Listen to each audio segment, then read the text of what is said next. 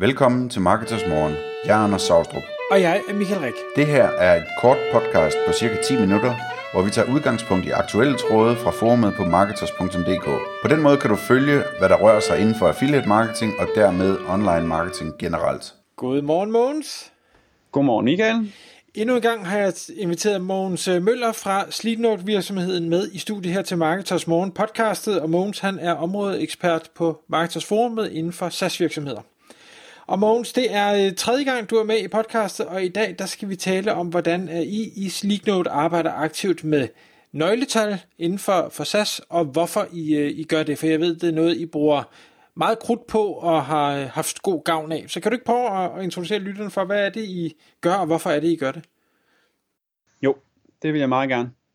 Øh, jamen altså, vi har jo øh, vi har rigtig mange kopier, øh, og, og, øh, og, og de, øh, de varierer selvfølgelig lidt fra afdeling til afdeling, hvad, hvad vi kigger på. Men jeg tænker, at det, der måske er mest relevant, det er sådan at snuppe de, øh, de, sådan de, de overordnede og de, de største, øh, som, er nok, øh, som nok er mest gængs og som, som kan bruges i andre virksomheder. Og, men, men sådan en SaaS-virksomhed som vores, øh, jamen, så kan vi starte med de, med de helt generelle. Så har vi jo selvfølgelig sådan noget som øh, vores MRR, altså vores Monthly Recurring Revenue, Øh, det er vores, øh, det er det ultimative tal. Vi kigger på, hvor meget, øh, hvor meget hvad, hvad omsætter vi, og hvor meget øh, MR, altså hvor meget abonnementsomsætning har vi lagt ovenpå måned for måned.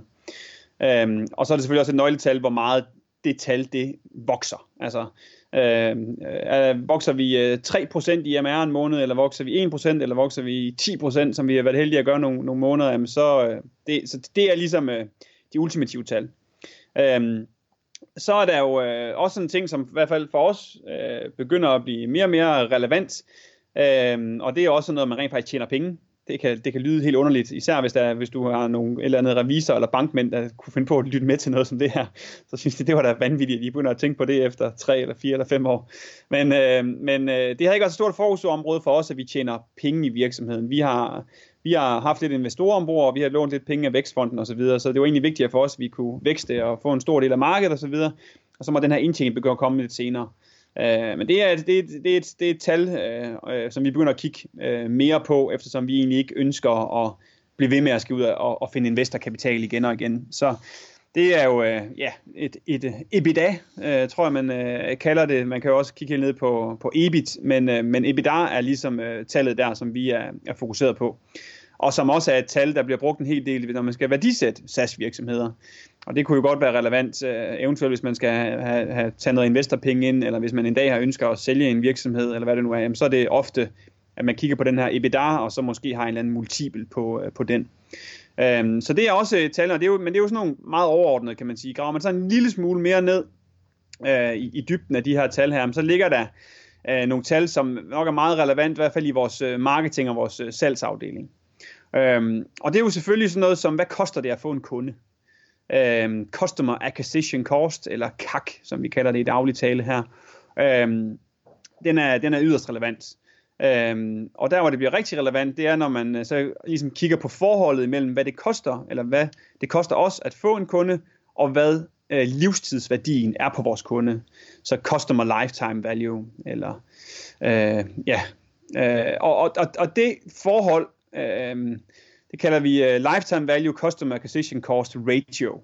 Og den, man kan sige, det forhold mellem de to tal er øh, yderst interessant, og jeg tror, hvis man sådan slår op i Google og Metrics, så vil jeg tro, det er en af dem, der nok kommer op i øh, som de allerøverste.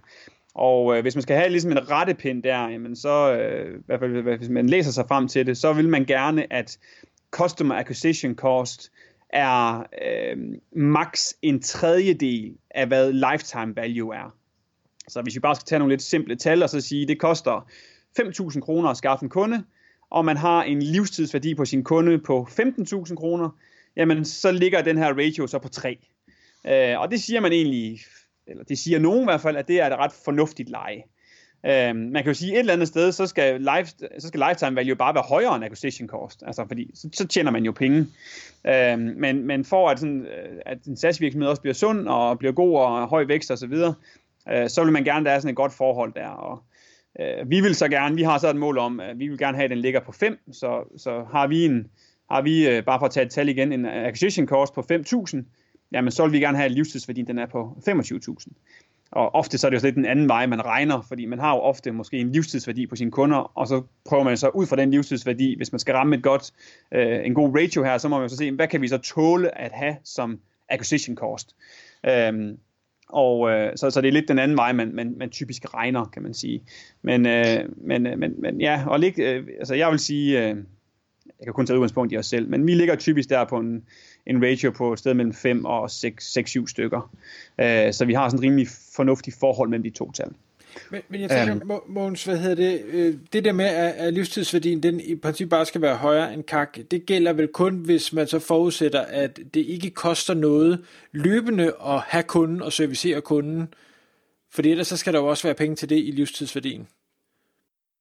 Øh, korrekt, men det, men det afhænger lidt af, hvad du lægger i din kak.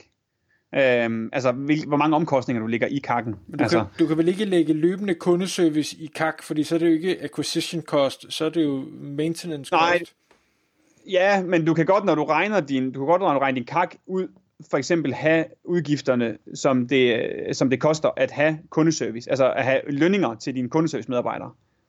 Okay. Det kan du godt lægge ind i din kakberegning. Så hvis du ser din acquisition cost, så har du et eller andet total udgifter, som du ser som det, der er udgifter for at have et, en, et kundeforhold, eller skaffe en kunde. Og der, der, der tager vi jo med alle vores sælgers udgifter, vi tager alle vores marketingudgifter, vi tager værktøjer til salg og værktøjer til marketing, vi tager du ved, øh, Google uh, AdWords, annoncering, alt det der, og, vi tager faktisk også uh, customer success lønninger med i den udregning. Okay. Um, så, så du på den måde får den ind, og der vil jeg helt sikkert sige, altså, du, altså det er jo lidt afhængigt af, hvem du skal præsentere tallene for, men vi har ikke sådan nogle, øh, som, som nogle eksterne parter, som går vildt meget op i, at vi skal præsentere nogle flotte tal, så vi vil egentlig hellere have lidt for meget med ind i det der, for at vi har nogle mere realistiske og rigtige tal, som vi kan gå ud fra. Okay. Øhm, så vi regner, vi regner alt det der med i vores kak. Øh, øh, nogen ville måske kunne argumentere for, at man kun skulle tage et eller andet online annonceringsudgifter med i det, og man ikke skulle have lønninger med. Men øh, det er jo sådan lidt med temperamentsspørgsmål, kan man sige. Mm. Øhm, og hvis vi lige, øh, er der tid til lige at tage en enkelt eller to mere? Det er der i hvert fald. Ja, Øhm, så, er der, så er der lidt i samme boldgade en, som øh, i mangel af bedre ord, vi kalder øh, month to recover custom acquisition costs.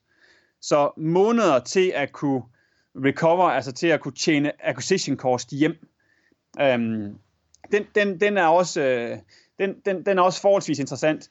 Og, øh, og det, der egentlig ligger af tal der, det er, man har sin acquisition cost, altså hvad koster det at skaffe en kunde, og man har sin sin average order size på sine kunder. Så, så hvad, hvad tjener man, øh, igen average, altså øh, øh, gennemsnitligt, på sine kunder om måneden. Um, så det kunne være, at øh, bare for at tage igen øh, et, øh, nogle, nogle simple tal, man har øh, nogle øh, prispakker, hvor øh, gennemsnitligt så ligger ens kunder og betaler 1000 kroner om måneden for ens SaaS-værktøj. Og man har igen den her acquisition cost på 5000, jamen så har man altså øh, 5 måneder, der går 5 måneder før, at ens acquisition cost er betalt hjem Øh, igen, det, det er gennemsnitstal det hele, øh, men, men der er også nogle, lidt nogle, nogle retningslinjer, øh, som, man kan, som man kan prøve at, at lægge sig lidt over. Jeg nu vil jeg indrømme lige på spottet, kan jeg ikke lige huske præcis, hvad det er, men vi vil i hvert fald gerne prøve, at, at vi øh, ligger på et sted mellem 4 til 6-7 måneder. Øh, helst, ikke, helst ikke over 7 måneder.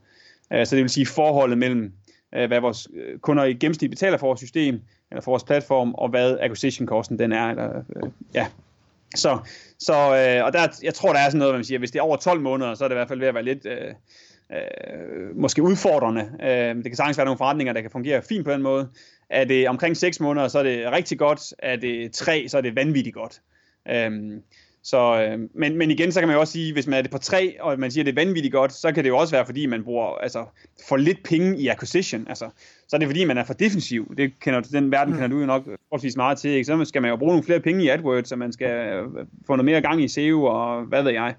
Øhm, så hvis den bliver for lav, så kan det også være, fordi man spiller lidt for defensivt.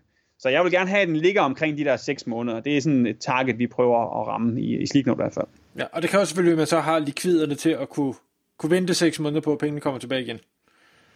Præcis, og, og der er der faktisk et, et, et sidste tal, den, den har vi ikke sådan, den, den, den er ikke så konkret som de andre tal her, men, men, øh, men, men vi har alligevel et tal, der hedder, hvad er vores gennemsnitlige likviditet, øh, som vi får øh, per ny kunde. Øh, og, og der er det jo, når man har sådan en forretning som vores, hvor man både sælger, vi sælger cirka 50% årsabonnementer og 50% månedsabonnementer. Øh, faktisk lidt flere årsabonnementer end månedsabonnementer. Så er det jo relevant at så se på, hvor mange penge får man upfront for, øh, for at skaffe en ny kunde i gennemsnit. Øhm, og, øh, og der er det jo ret interessant, at det tal gerne skal være noget højere end øh, igen de samlede udgifter til acquisition cost.